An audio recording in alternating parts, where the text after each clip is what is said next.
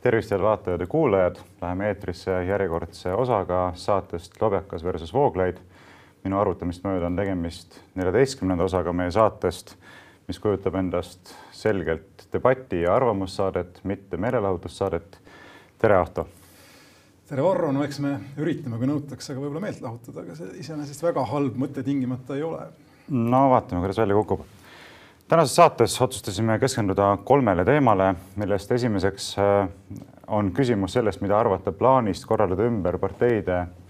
rahastamise järelevalvet. Äh, teiseks teemaks on küsimus, kas distantsõppe kogemus, mis on nüüd olnud päris ulatuslik viimastel kuudel, võiks sillutada teed laiemale koduõppele Eestis. ja kolmandaks vaatleme küsimust sellest, mida arvata digitaalsete immuunsuspasside süsteemi väljatöötamisest Eestis Läheme siis esimese teema juurde ja vaatame lähemalt küsimust, mis on saanud niigi juba päris palju tähelepanu viimase nädala jooksul. küsimus siis sellest, kas äh, koalitsiooni poolt välja pakutud plaan kaotada ära erakondade rahastamise järelevalve komisjon ja selle poolt äh, ellu viidav järelevalvesüsteem ning asendada see uue süsteemiga, kus järelevalvet teostaks Riigikontroll, mm, on selline, mis väärib toetust või mitte no omalt poolt teen otse lahti ja ütlen kohe seda ära, et mina ei ole tulnud siia kindlasti tingimata kaitsma äh, seda plaani ja selle plaani elluviimist, mida me praegu näeme.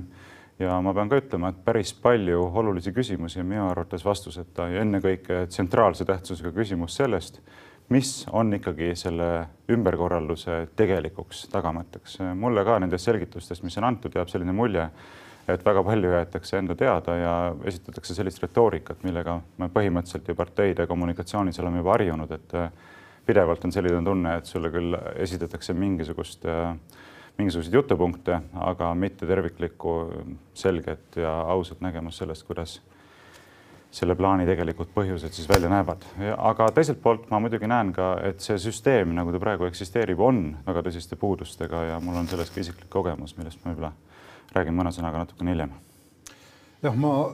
arvan, et see küsimus, küsimusi on see nagu mitmel tasandil. esimene küsimus on muidugi see, miks just praegu, miks need erakonnad,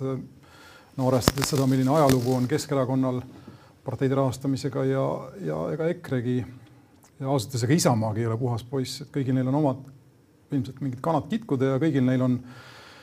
ma näen siis noh, ilmselgelt saab siin motiiviks olla mingi huvi teatud asjade hämaras hoidmise vastu paremini ja mina seostaksin kõike seda sellise laiema plaaniga, mis mulle tundub, et see, äh, sellel valitsusel on äh, enda kontrolli alla saada kõik, mis on vähegi sõltumatu või sõltumatuks jäänud.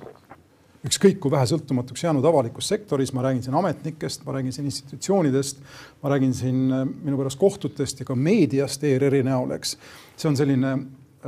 vabandust, et natukene teoreetilisema põike eest, aga see on selline Schmidtilik äh, kogu poliitilise sfääri kuulutamine võitluse objektiks, midagi sellest välja ei jää, see on kas sinu kontrolli all või kui ta pole sinu kontrolli all, siis on ta sinu vastu, see on minu arvates väga selline ekreik lähenemine, millele siis Jüri Ratas on toonud taha enda Keskerakonna hääletajate hääled, kellel pole muidugi Schmidtist õrna aimugi. et, et see on omaette selline naljakas hetk. Isamaa muidugi saab täpselt aru, mis toimub. see ühesõnaga sõltumatuse kaotamine või sõltumatute sfääride ülevõtt on siin kindlasti olulisel kohal. teiselt poolt, kui me räägime raha, ütleme parteide rahastamisest kui probleemist, ma olen sinuga täiesti nõus, see on olnud Eestis probleem, me oleme ju sellesama süsteemiga, mida nüüd tahetakse kaotama hakata, elanud läbi ka äh, Reformierakonna võimuaastad ja, ja sellest pole suurt midagi kasu olnud ega ka pärast seda, ütleme kaks tuhat kaksteist skandaali pole midagi muutunud, siin olid sidrunid, kõik su suur, suured taristuprojektid on seotud alati selliste hämarate Äh, nurgataguste juttude ja muu sarnasega ja ausalt öeldes, kui tahetakse reaalset muutust parteide rahastamise ähm, üle toimuvasse kontrolli, siis mina soovitaksin lihtsalt mitte riigikontrolli siin nii tore, kui, kui see asutus ka on, aga selge on see, et siin noh, tõsist plaani midagi paremini kontrollima hakata valitsusel ei ole, aga ma soovitan anda see kapole. kapol on kindlasti juba olemas ülevaade suuresti sellest, mis toimub, eks Äh, senine süsteem on fail inud, kapo kindlasti ei fail'i ja ainukene asi, mis tuleks siis lisada kapole, on kusagile seadusse kirjutada, et kapol tuleb kõik avalikustada, mida ta teab äh, parteide rahastamise kohta ja ma arvan, meil kõigil saab olema väga huvitav. parteid saavad olema väga puhtalt rahastatud ja nii-öelda hundid äh, söönud ja lambad terved jah, see on huvitav ettepanek, ma selle üle peaks natukene sügavamalt mõtlema, et kas selliste luure ja jõustruktuuride kaasamine kõrgemal tasemel nende küsimustega tegele, tegelemiseks, mis on iseenesest ju suhteliselt tsiviilse iseloomuga, mitte kuritegeliku iseloomuga, eelduslikult vähemalt. Äh, no täpselt, mul on siin niisugune fifty-sixty iroonia ka mängus, aga ja, iseenesest ma usun, et sa oled nõus sellega, et kui kellelgi üldse on Eesti riigis millestki ülevaade, siis on see just sellistel instantsidel, mis tegelevad salajase, salastatud, varjatud informatsiooni kogumisega jah, põhimõtteliselt kindlasti, et kui kaitsepolitsei tegevuses saab neile teatavaks midagi sellist, mis on vastuolus äh, seaduses paika pandud reeglitega erakondade rahastamise järelevalve kohta või erakondade rahastamise kohta, siis kindlasti peaks informatsioon jõudma ka nende instantsideni, kes seda järelevalvet teostavad, isegi kui see kaitsepolitsei ise ei ole, eks. aga põhimõtteliselt, mis minule tundub selles olukorras ikkagi tundub äh,, toimub on see, et äh, me näeme sellist vorstikauplemist, et äh, ei ole ju eriti keeruline praegu aru saada sellest, et ennekõike on selle ümberkorralduse taga Keskerakond, Keskerakonna huvid, Keskerakonnal kõige suuremad probleemid on olnud rahastamisega juba aastaid äh, valitsus, valitsusparteidest kindlasti vähemalt. ja nüüd siis ilmselt on siis Keskerakonnale teised valitsuspartnerid andnud äh, omapoolse nõusoleku selle plaaniga kaasa tulla eeldusel, et ise saadakse midagi vastu ja noh, selline selline kauplemine muidugi ei ole midagi sellist, mida poliitikas eriti tahaks näha.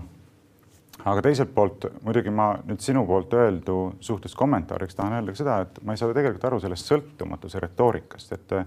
et kuidaspidi nüüd siis Riigikontroll oleks vähem sõltumatu järelevalve teostaja kui see erakondade rahastamise järelevalve komisjon, kuhu kuuluvad ju poliitiliste parteide esindajad.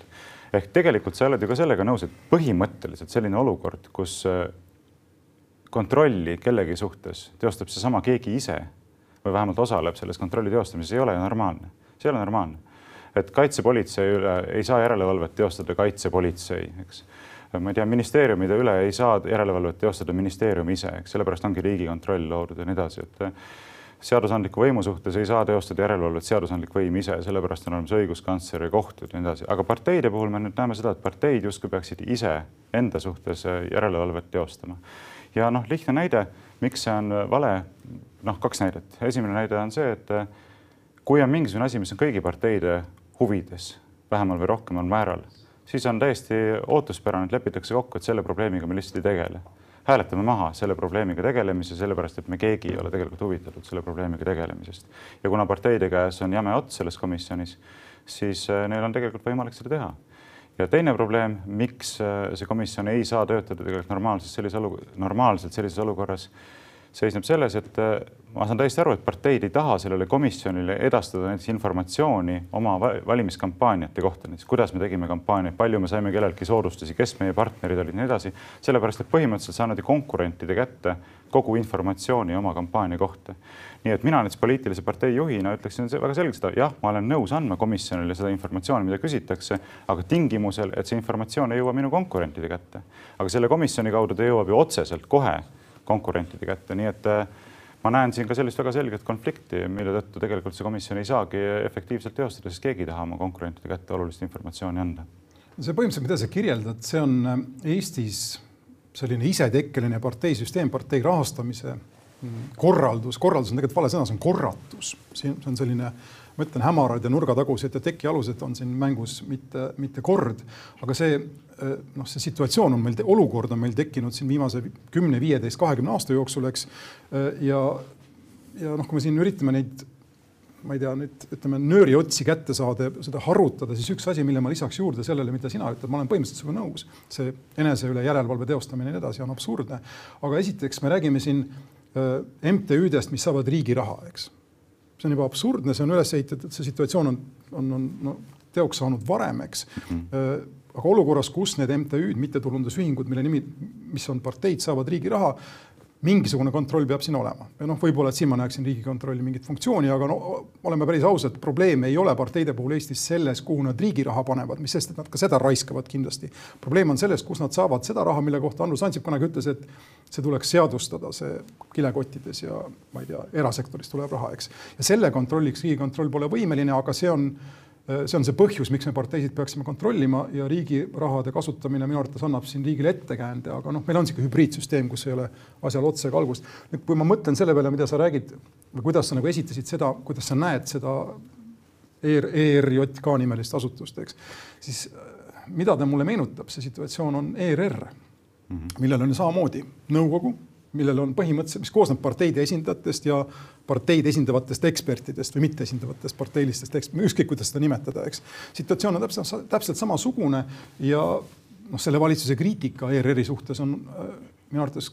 üsna analoogne olnud ja, ja kui vaadata, mida tahetakse ERR-iga teha, kasvõi su enda näitel on ju äh,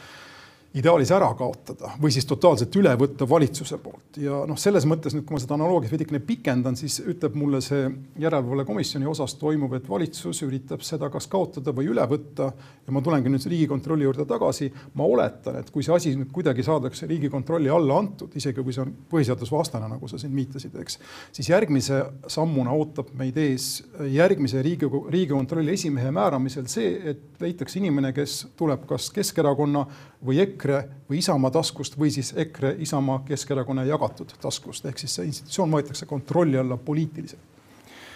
nojah, see on nüüd juba laiem küsimus sellest, et kuivõrd sõltumatuks saab Riigikontrolli pidada. ma tahaksin siiski loota, et ta on tegem-, et on tegemist sõltumatu institutsiooniga niivõrd-kuivõrd. siiamaani niivõrd... juhtide tasandil, ma arvan küll. jah, niivõrd-kuivõrd, eks ju, sellepärast et kui tegelikult äh, juhid määratakse ametisse valitsuskoalitsiooni poolt, siis paratamatult äh, päris sõltumatu ei ole, aga ma usun küll, et äh, meil ei ole põhjust kahelda selles, et äh, Riigikontroll on praegu koalitsiooni või kellegi teise käpikuks, eks, et ta on ikkagi päris head tööd teinud siin kritiseerinud näiteks Rail, Rail Balticuga seonduvat vastuoluliselt valitsuse plaanidega. kas ma lihtsalt tohin panna sulgudesse vahele midagi lihtsalt nagu korrata, mida sa oled öelnud ERR-i suunal, kui sa saad riigilt raha, sa ei saa olla sõltumatu. ei, absoluutselt, ma ütlengi, see suhteliselt, ma ütlesingi, et, et niivõrd-kuivõrd me saame rääkida üldse sõltumatusest selles olukorras. aga no ega erakondade rahastamise järelevalve komisjoni puhul on sama asi, ka nemad saavad ka ju riigilt raha ja seal on kaasatud otseselt parteide esindajad erinevalt Riigikontrollist, eks ja, ja, ja, ja ikkagi ma tulen tagasi selle juurde, et seal on tagamata see konfidentsiaalsuse aspekt, mis on väga oluline, kui sa tahad, et sinule tegelikult informatsiooni jagatakse. see on nagu prokuratuuriga, eks, et ühelt poolt prokuratuur tahab, et talle jagatakse informatsiooni, teiselt poolt ei suuda tagada seda, et ei lekitata pidevalt seda informatsiooni meediale, eks ole, et sellises olukorras tegelikult ei saa loota sellele, et seda informatsiooni antakse. Aga mis puudutab nüüd seda erakondade rahastamise järelevalve süsteemi, eh, siis tegelikult on siin üks elevant toas, millest paned tähele viimase nädala jooksul ka minule teadaolevalt pole praktiliselt keegi üldse rääkinud. Või siis, kui on räägitud ainult möödaminnes, ega ma muidugi kõiki käsitlusi pole vaadanud. nimelt küsimus sellest, et miks peaks üleüldse eksisteerima selline asi nagu erakondade riiklik rahastamine see on ka kuidagi kujunenud selliseks aksioomiks, et noh, et see on nüüd nagu selline nurgakivi, et selle üle me ei vaidle, eks ole, me ainult vaatame, kuidas siin teostada järelevalvet ja nii edasi. Aga sisuliselt on ju tegemist minu arvates selgelt absurdse olukorraga, kus parteid ise on määranud iseendale miljonitesse eurodesse ulatuvad iga-aastased toetused, see on vist viis koma kaks miljonit aastas või midagi sellist, suurusjärk on õige, ma võin siin täpse numbriga eksida. viis koma kaks miljonit eurot on iseendale määratud riigieelarvest, eelarvest raha ja see tiksub neile täiesti sõltumatult sellest, millist poliitikat nad ajavad, kas nad käituvad kooskõlaliselt oma toetajate eelistustega või mitte ja minu meelest see on selgelt vastuolus ka sellise demokraatia ideaaliga. parteid ei ole mingisugused pseudoinstitutsioonid, riigi institutsioonid, milleks nad tegelikult praegusel hetkel on kujunenud, olles täielikult noh, ulatuslikult ja peamises osas riiklikult rahastatud. Need on, need on kodanikuühendused, need on äh, mittetulundusühingud ja kodanikuühendusi peavad rahastama selle kodanikuühenduse tegevust oluliseks pidavad toetajad, kas selle liikmed või selle toetajad lai, laiema ringina käsitletuna ja kui see süsteem nüüd läbi lõigata, siis paned tähele, kaob ära selline asi, et parteid peaksid reaalselt ellu viima seda programmi, seda poliitilist ja maailmavaatelist programmi, mida nende toetajad oluliseks peavad, sellepärast et raha tiksub neile täiesti sõltumatult sellest, kas nende toetajad on nende tegevusega rahul või mitte. Kui seda süsteemi ei oleks, siis oleks väga otsene seos selle vahel, et äh, partei toetajad saaksid avaldada väga selgelt mõju partei tegevusele, kui te hakkate seda asja ajama, näiteks kui te surute läbi Rail Balticu projekti, eks, siis äh, me loobume annetustest parteile ja siis teie olukord ja väljavaated edaspidi oluliselt äh, kahanevad. nii et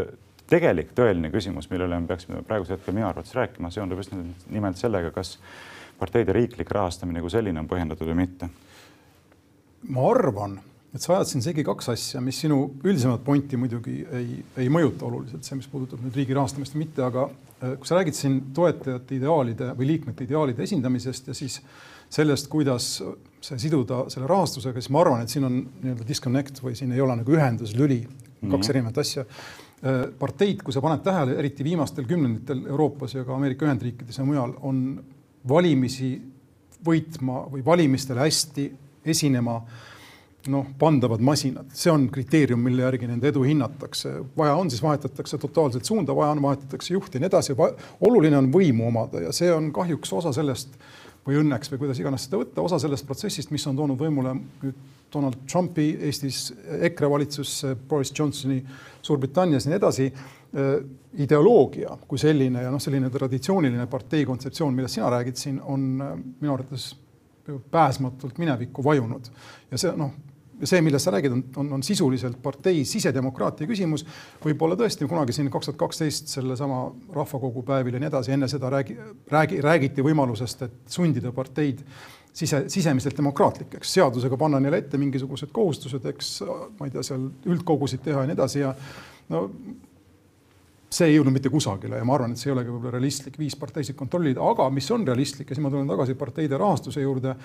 on seesama aspekt, millest sa räägid, eks, aga mitte nüüd sellepärast, et, et, et, et toetajate või liikmete ideaalid peaksid olema esindatud, aga jälle seesama küsimus, et kuna, kuna nad saavad riigi raha, on meil sisuliselt riik, riiklikud MTÜ-d ja see raha on maksumaksja raha, avaliku sektori raha, siis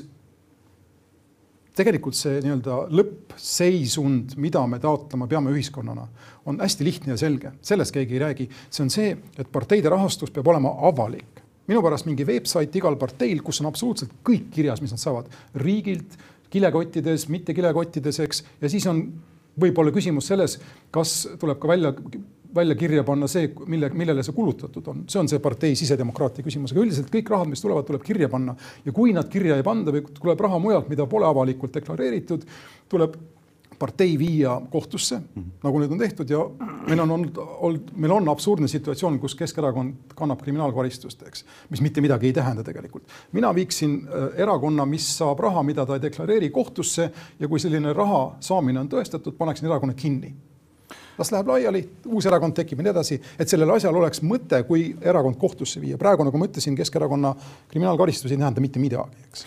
aga no, ma teeksin selle lihtsaks. iseenesest võiks ju niimoodi öelda, et kui äh, valitsusvõimu teostab organisatsioon, mis on kriminaalkorras süüdi mõistetud, siis valitseb Eesti riiki kriminaalne ühendus, kuritegelik ühendus. no nii tuleb välja, aga see ei muuda midagi ja see meie juttki muutub üha tühi, tühjemaks sellest, et me ei, ei saa sinna midagi parata, oleme sunnitud sellega arvestama, eks. aga noh, ma tulen ikkagi selle juurde tagasi, ma olen sinuga nõus, ja peakski olema avalik aga ma tahaksin küll kutsuda üles ajakirjanikke ja kogu Eesti avalikkust nagu arutlema selle üle, et me ei peaks käsitlema seda sellise antusena, mis peabki nii jääma, et parteisid rahastatakse riigieelarvest. parteisid peavad toetama nagu kõiki teisi kodanikuühendusi need inimesed, kes peavad, toetavad nende parteide tegevust, toetavad neid eesmärke, mille poole need parteid on lubanud äh, püüelda ja toetavad ka seda viisi, kuidas nende eesmärkide poole siis püüeldakse või ei püüelda ja, ja see on tegelikult oluline küsimus, see ei ole mingisugune hädavajalik olukord, et parteid peavad olema riiklikult rahastatud, see ei pea niimoodi olema. ja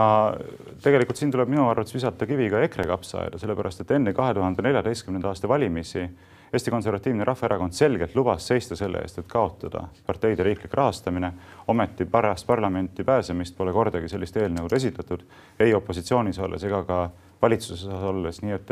keegi peaks selle küsimuse tõstatama ja kui parteid ise ei taha seda tõstatada, mis on arusaadav, sest nad ise saavad riigieelarvest raha, siis ajakirjandus võiks olla küll see koht, kus, kus seda siiski tehakse. aga ma mainisin ennem veel seda isiklikku halba kogemust ja ma toon kiiresti selle teemaga veel sisse, et sellega peab ka arvestama, et mina näiteks konkreetselt sihtasutuses Perekonna Traditsiooni Kaitseks oleme jäänud selle erakonna rahastamise järelevalve komisjoni hammasrataste vahele olukorras, kus see komisjon selgelt ületas oma võimupiire et meie kahe tuhande neljateistkümnenda aasta valimiste eel tegime ka sellise laia teavituskampaania, kus ütlesime, et meie arvates näete, on oluline toetada neid jõude, kes kaitsevad neid printsiipe, mida meie oluliseks peame, saatsime laiali väga palju infomaterjale, sadu tuhandeid üle Eesti. Ja Erakondade Rahastamise Järelevalve Komisjon koos Eesti Rahvusringhäälingu abi, abiga, kes Aktuaalses Kaameras kuulutas, nagu ma oleks seadust rikkunud alusetult, tõstatas sellise küsimuse, et meie oleme teinud keelatud annetusi ja see on täiesti absurdne süüdistus ja näitab tegelikult seda, et see komisjon ka võib toimida väga selgelt sellise poliitilise võitluse instrumendina, hakates rappima ühte kodanikuühendust, kes lihtsalt propageerib seda, et toetage neid jõude, kes seisavad õigete printsiipide eest käsitledes seda, käsitledes seda keelatud annetusena või varjatud annetusena mõnele, mõnele erakonnale, nii et ma selle komisjoni tööga kindlasti ise mitte kuidagi rahule jääda ka ei saa. siin on, sa illustreerid ühte aspekti Eesti ühiskonnast, millele ma juba viitasin, kõik on üha rohkem politiseeritud mm. ja noh, selles mina süüdistaks või parteiseeritud jah ja., ma süüdistaks, ma süüdistaks selles peamiselt, kui aus olla, hetkel EKRE-t ja Isamaad, aga selle asja juured muidugi lähevad tagasi kaugemasse minevikku ja sellesse kõik on seotud ka Reformierakond ja sotsid, ühesõnaga ükski osa poliitilisest süsteemist ei ole puhas. nüüd see, mis sa räägid EKRE-st, on tegelikult näide sellest, mida ma mõtlesin, kui me vaatame Mart Helmet, kes oli, ma lihtsalt meenutan kuulajatele-vaatajatele, kes ei pruugi seda mäletada või isegi teada. Mart Helme oli, oli inimene, kes toimetas eesti keelde kommunistliku partei manifesti kunagi ammusel ajal, tema nimi on seal kirjas, eks ilmselgelt on tema juhitav partei partei, mis on valmis valimistel hea tulemuse tegemiseks esindama ükskõik milliseid vaateid, ta on lihtsalt sattunud kohta, kus tal tuleb esineda, esindada Eesti ühiskonna kõige madalamat ühist nimetajat, aga noh, võib-olla mõne, mõne, mõnes teises ideaalses maailmas ta oleks esindanud mõnda idealistlikku platvormi, eks, ja, ja, ja võitnud selle pealt või vähemalt tulnud valitsusse, et selles mõttes parteid on valimiste võitmise masinad, ei midagi rohkemat ega vähemat, EKRE on sellest väga hea näide. ma tooksin selle kogu selle debati juures sisse nüüd veel ühe poole või selle mündi teise külje. kui sa räägid siin riigi rahastamise keelamisest ja nii edasi, et, et ühesõnaga sellest, et, et, et partei peaks olema rahastatud nende inimeste või nende jõudude poolt, kelle huve ta esindab, siis sa unustad siin ühe asja või noh, ma ei tea, võib-olla, et sa oleks selle lisanud, aga ma toon selle juurde.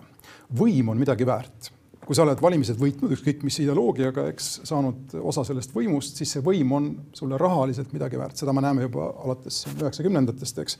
ja kui ma rääkisin kapost näiteks, kui kapo hakkab raha, ütleme erakondade rahastamist kontrollima, siis esimese sammuna ma, ma sooviks, et kapo siis avalikustaks selle inimese nime, kes võttis Leningradis või Peterburis välja need mitukümmend miljonit VEB Fondi rahasid, eks sealt see asi üldiselt algas. aga täna, mida, mida ma äh, tahan öelda, on see, et äh, jällegi see on näide, mis tegelikult ei, ei puuduta tänast valitsust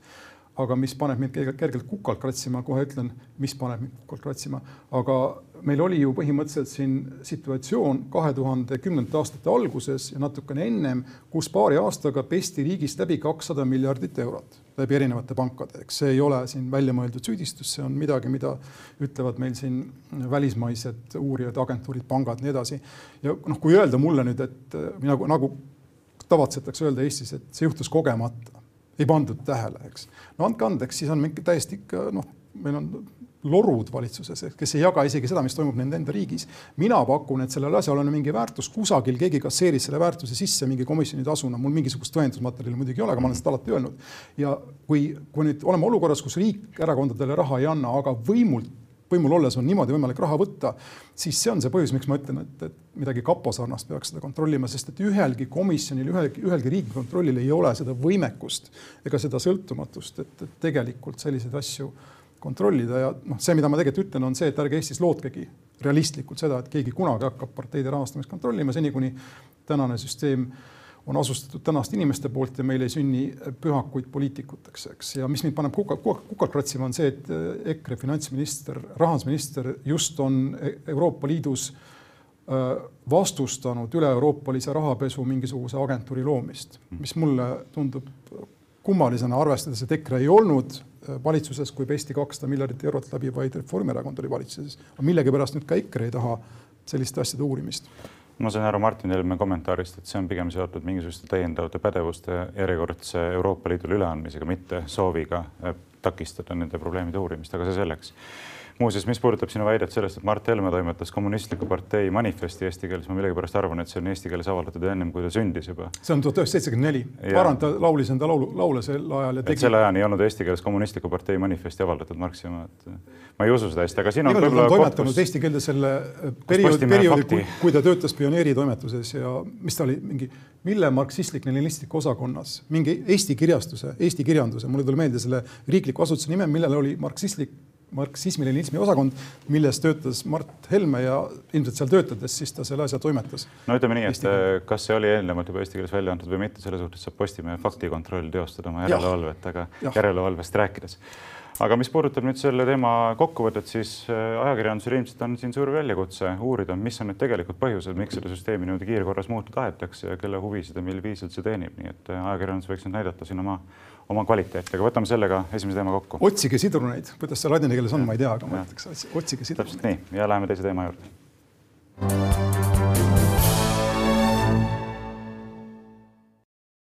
teiseks teemaks, nagu juba öeldud, valisime siis küsimuse sellest, kas viimastel kuudel saadud ulatuslik äh, distantsõppekogemus võiks sillutada teed ka ulatuslikumale koduõppele Eestis. ja see küsimus on äh, tingitud minu enda sellisest ettepanekust, mille ma ka Facebookis sõnastasin Äh, kommentaarina uudisele, et võib-olla tuleb sügisel jälle minna selle distantsõppe juurde tagasi pärast suvevaheaega, kui algab see viiruse leviku väidetav teine laine, siis. ja mina tegin sellise ettepaneku, et võib-olla oleks nüüd paras aeg tõukena sellest kogemusest liikuda sellise korralduse suunas, kus võtta lahti see iga lapsega kaasas käiv nii-öelda pearaha, mis läheb praegu koolidele, õppeasutustele, kus, mille hingekirjas need lapsed siis on ja võimaldada selle pearaha andmine vanemate kätte, perekonna kätte, selleks, et nad saaksid ise teostada koduõpet oma lastega, mitte lihtsalt hädasunnil, hädaolukorras piiratud aja jooksul, vaid liikudagi üle sellise korralduse poole, kus lapsi saab reaalselt õpetada kodus. küll õppekava alusel, miks mitte et oleks äh, ikkagi mingisugune ühtlus äh, säilinud haridussüsteemis, kuigi see on ka omaette küsimus, kas riik peab olema see, kes kehtestab ühte standardit, mille alusel lapsi kasvatatakse ja haritakse. Aga, aga siiski kodus, kodustes tingimustes ja kui see raha jääks perekondade kätte, siis perekonnad saaksid ka koopereeruda. näiteks kolm perekonda, ma just tõin näiteks, et kui mina, minu perekond, minu venna perekond ja minu abikaasa õe perekond koopereeruksime, siis meil on kolme peale seitseteist last. see on sisuliselt juba väikse kooli mõõtu, me saaksime selle pearahade peale kindlasti palgata juba ühe või mitu õpetajat ja tegelikult sisuliselt teha niisuguse pisikese külakooli. ja osa selle ettepaneku põhjendustest seisneb ka selles, et niisugusel viisil saaks tegelikult äh, lahti ka sellest linnadesse aheldatuse probleemist, et näiteks mina hea meelega koliksin maale elama, paljud teised koliksid ka maale elama, aga ei saa, sellepärast et lapsed on seotud kooliga, muud põhjust taga ei ole, kaugtööd saaks küll teha, aga laste kodus õpetamine on keerulisem, kui selleks pole piisavaid vahendeid.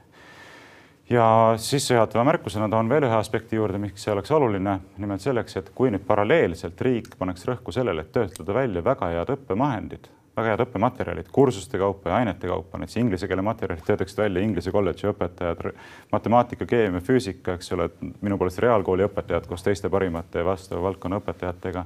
prantsuse keele materjalid, prantsuse lütseumi õpetajad, no ühesõnaga parimad materjalid jäetakse kätte veebi kaudu nii kirjalikus vormis kui ka audiovisuaalses vormis loengutena, seminaridena ja nii edasi. ja neid saaksid kasutada siis koduõppel perekonnad nii Tallinnas, kesklinnas elades kui ka Ruhnu saarel elades kui ka Misso vallas elades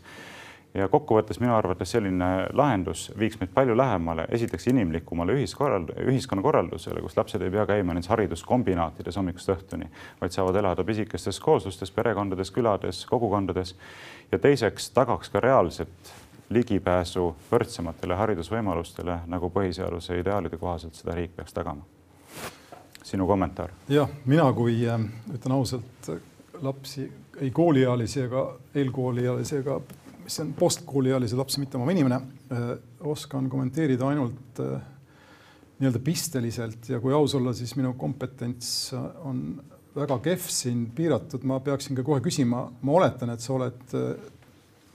sedastanud või tuvastanud, et see pearaha, millest sa räägid, sellest piisab selleks, et õpetajaid palgata koos sotsiaalmaksu ja muu sarnasega ka niimoodi, et nad saaksid inimlikku palka ja, ja, ja, ja, ja nii edasi, et, et sa tead, millest sa räägid, raha suuruse mõttes? ei, väga täpselt ei tea, ütlen ausalt, aga ühe lapse puhul ilmselt see on keeruline, aga kui vanemad koopereeruvad, panevad kokku, näiteks viis perekonda kolivad ühte kohta, eks ole, veel viie peale juba see on võimalik, mitte Tead, täiskohaga, osaajaga, ühesõnaga võib-olla ei olegi vaja, võib-olla keegi vanematest saab jääda koju ja võtta enda peale selle kodu õpetamise funktsiooni ja nii edasi. ühesõnaga, ma, see... ma olen, me võtame eelduseks selle, et riik hakkab sellist asja rahastama viisil, mis maksab kõik selle kinni mm, -hmm. õpetajate palga, võib-olla vanemate aja, kindlasti koolilõunad ja muu sarnane, eks õpikud ja õppematerjalid ja sellisel juhul, kui me selle eelduseks võtame, siis iseenesest mul ei ole midagi niisuguse mõtte vastu, sest et äh, oluline on tulemus lõppkokkuvõttes, mitte see, äh, mis koolis keegi käib, meil on nagunii süsteem, eks, kus on ju koolide vahel, koolide vahelised äh, selged erinevused de facto, kui me võtame ette siin äh, debati ja vastuolu, mis seondub siin ta, Kesk-Tallinna eliitkoolidega, kus vanemad maksavad juurde, eks, ebaseaduslikult raha, koolid küsivad ebaseaduslikult raha ja siis on selge, et inimesed, kes käivad sellistes koolides, saavad parema hariduse kui inimesed, kes käivad kusagil mujal, Ruhnus või Missol, mis Ruhnul või Missos, mis muidugi tekitab mul siin sulgudesse küsimuse, millele sa võib-olla pole mõelnud, aga äh, tsiteerides siin äh, sedasama marksismi elavat klassikut meil Eestis, Mart Helmet, eks või parafraseerides teda, et kas, kas koduõpe on väärt rahvusriiki, sest et mis juhtub Ida-Virumaal, kui hakata niimoodi seitsmeteist ja kahekümne lapse kaupa tegema neid koole ja, ja õppematerjale tahtma siis, ma ei tea, võib-olla, et Ida-Virumaale tuleks teha siis hariduspolitsei, eks, kes, kes jõustaks neid rahvuslikke eesmärke, aga üldiselt tänases situatsioonis võib arvata, tänases situatsioonis, kus venekeelsed koolid kasutavad väga palju venekeelset materjali, mis ei ole meil nii-öelda rahvuslikult heaks kiidetud, eks. see situatsioon tõenäoliselt liiguks sinnapoole, kuhu Mart Helme vähemalt väidab, et ta ei tahaks, et see liiguks, ehk siis rahvusriigist ära. ma ei tea, kas sa oled sellele mõelnud, see on niisugune sulgudes mõte, eks. ei no eks Mart Helme võib iseenda eest rääkida, oleks huvitav kuulda, mida ta nendest asjadest arvab aga põhimõtteliselt ma olen vastu sellele, et äh, me võtame mingid rahvuslikud, riiklikud niisugused suured eesmärgid, mida me hakkame siis riiklike struktuuride, riiklike korralduste kaudu kõikidele lastele, kõikidele perekondadele peale suruma. jah, vene rahvusest perekondadel on täpselt samasugune õigus kasvatada oma lapsi kooskõlas oma veendumustega, oma, parimate oma kultuuriga, oma kultuuriga, ka oma keelt, keeleruumiga, mul ei ole mitte midagi selle vastu, absoluutselt ja ma olen põhimõtteliselt sellise riigikorralduse vastu, kus riik näeb, et temal on õigus, eks ole, nõuda esiteks seda, et kõik lapsed peavad minema haridusinstitutsioonidesse hommikust õhtuni, et lapsed veedavad rohkem aega riiklikes institutsioonides, kasvatus- ja haridusinstitutsioonides kui oma vanematega ärkvel oldud ajast. ma ei, ma ei pea seda üldse õigeks. ja muuseas, kommentaariks sellele, mis sa eelnevalt ütlesid, et küsimus on lõppude lõpuks eesmärgis, ma ei arva, et küsimus on ainult eesmärgis, küsimus on eesmärgis ka tulemuses, eks. aga küsimus on ka protsessis et, et kui me tahame, et lapsed oleksid hästi haritud, hästi kasvatatud, siis loomulikult üks lähenemine on see, et me topime nad kõik hariduskombinaatidesse, ütleme, et noh, et see tagab meile kõige parema tulemuse, eks. aga teine küsimus on ka see, et vabandust, aga milline see protsess on, milline on see protsess, et ma ei tahaks näha, et ka hariduse ja kasvatuse vallas see tõhusus muutub selliseks peamiseks argumendiks, nagu see on näiteks, ma ei tea viljakasvatuses, põllumajanduses, eks ole, et selleks, et saada sellelt lapilt maksimaalne tulemus, siis paneme tead kemikaale nii palju peale, kui kulub, eks ole, või ma ei tea, kanalas, eks ole, selleks, et saada võimalikult palju mune või võimalikult head liha, lükkama tead maksimaalse hulga neid kanu sinna teineteise otsa elama hunnikusse ja nii edasi, et kõigis ühiskonnaelu valdkondades tegelikult see küsimus lõpuks aktualiseerub, et tõhusus ei saa olla ainuke ega isegi peamine kriteerium, et see inimlikkuse aspekt on väga oluline, mis minu meelest läheb kaotsi nii väikeste koolide kaotamise näol kui läheb kaotsi ka läbi selle, et lapsed ei saa õppida tegelikult noh, kodus. ma ei vaidle põhimõtteliselt sellega, aga nagu ma ütlesin, mul on selliseid pistelisi küsimusi või probleeme. üks küsimus, kui ma sind kuulan, siis ma näen, et sina teeksid sellist asja hea meelega, eks sinu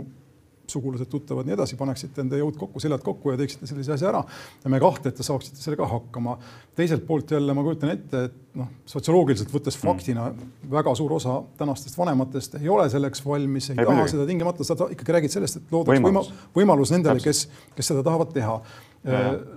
nii, kui me nüüd räägime sellest, siis äh, minu üks küsimusi, mis mul tekib, on siin äh,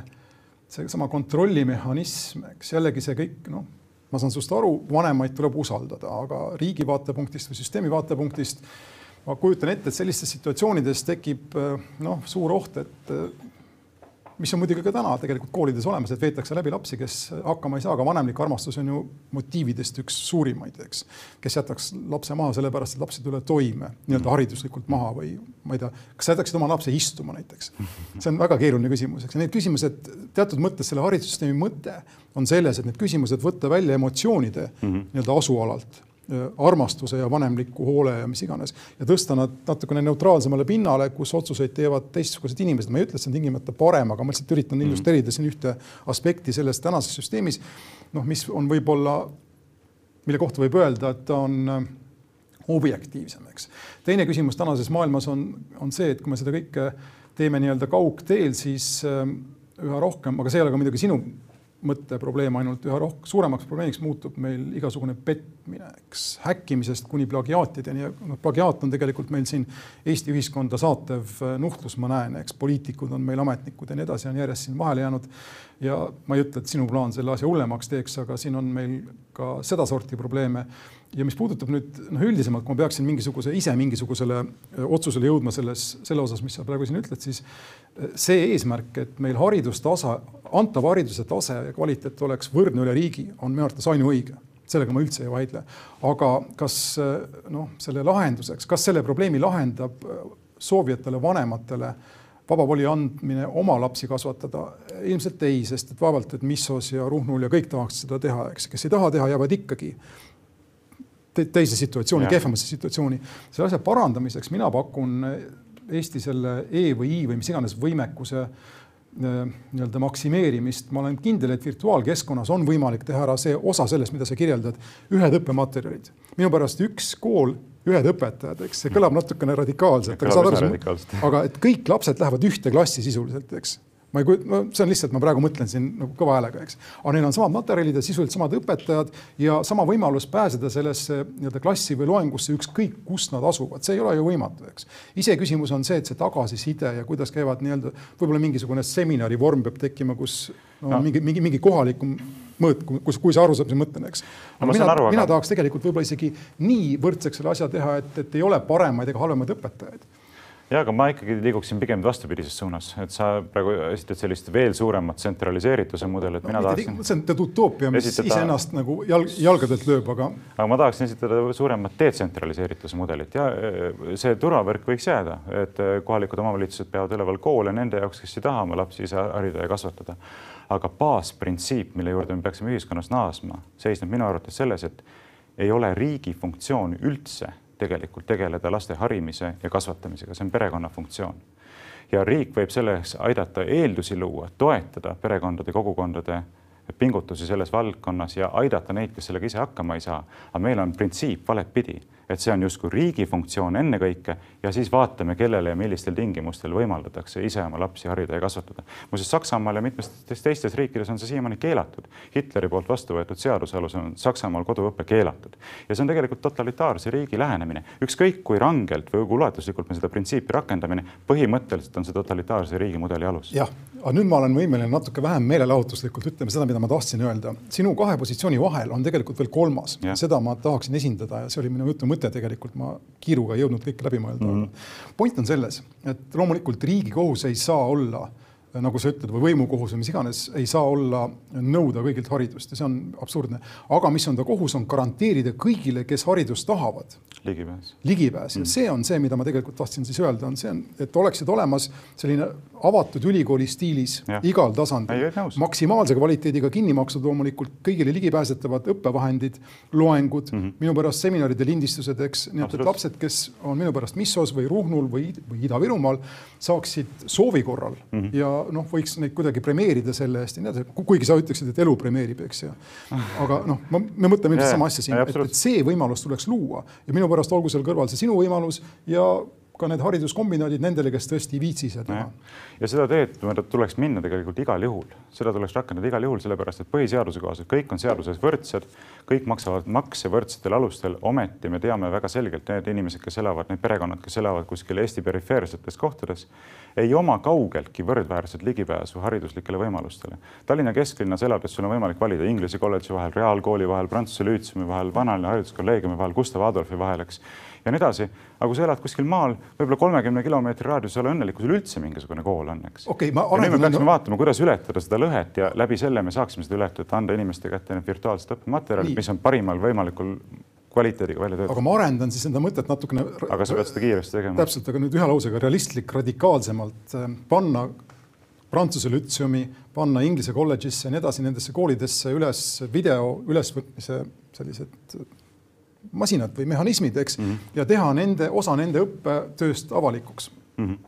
juba iseenesest seegi oleks suur samm edasi inimestele Missos ja Ruhnul, kellel ei pruugi olla inglise ja prantsuse keele õpetajaid. Ja, ja veel parem on, kui need materjalid on ka salvestatud, eks, et iga kell võid neid välja võtta ja vaadata.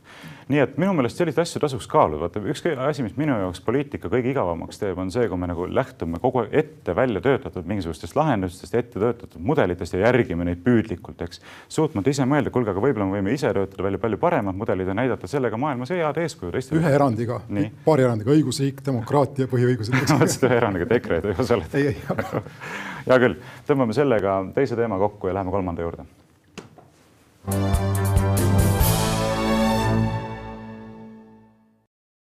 kolmanda teemana, nii palju kui meil aeg veel võimaldab, vaatame siis lühidalt küsimust sellest, et mida arvata juba käima pandud plaanist töötada Eestis välja digitaalseid immuunsuspasse, mida siis inimesed saavad hakata kasutama selleks, et tõestada tööandjatele oma, kuidas öelda,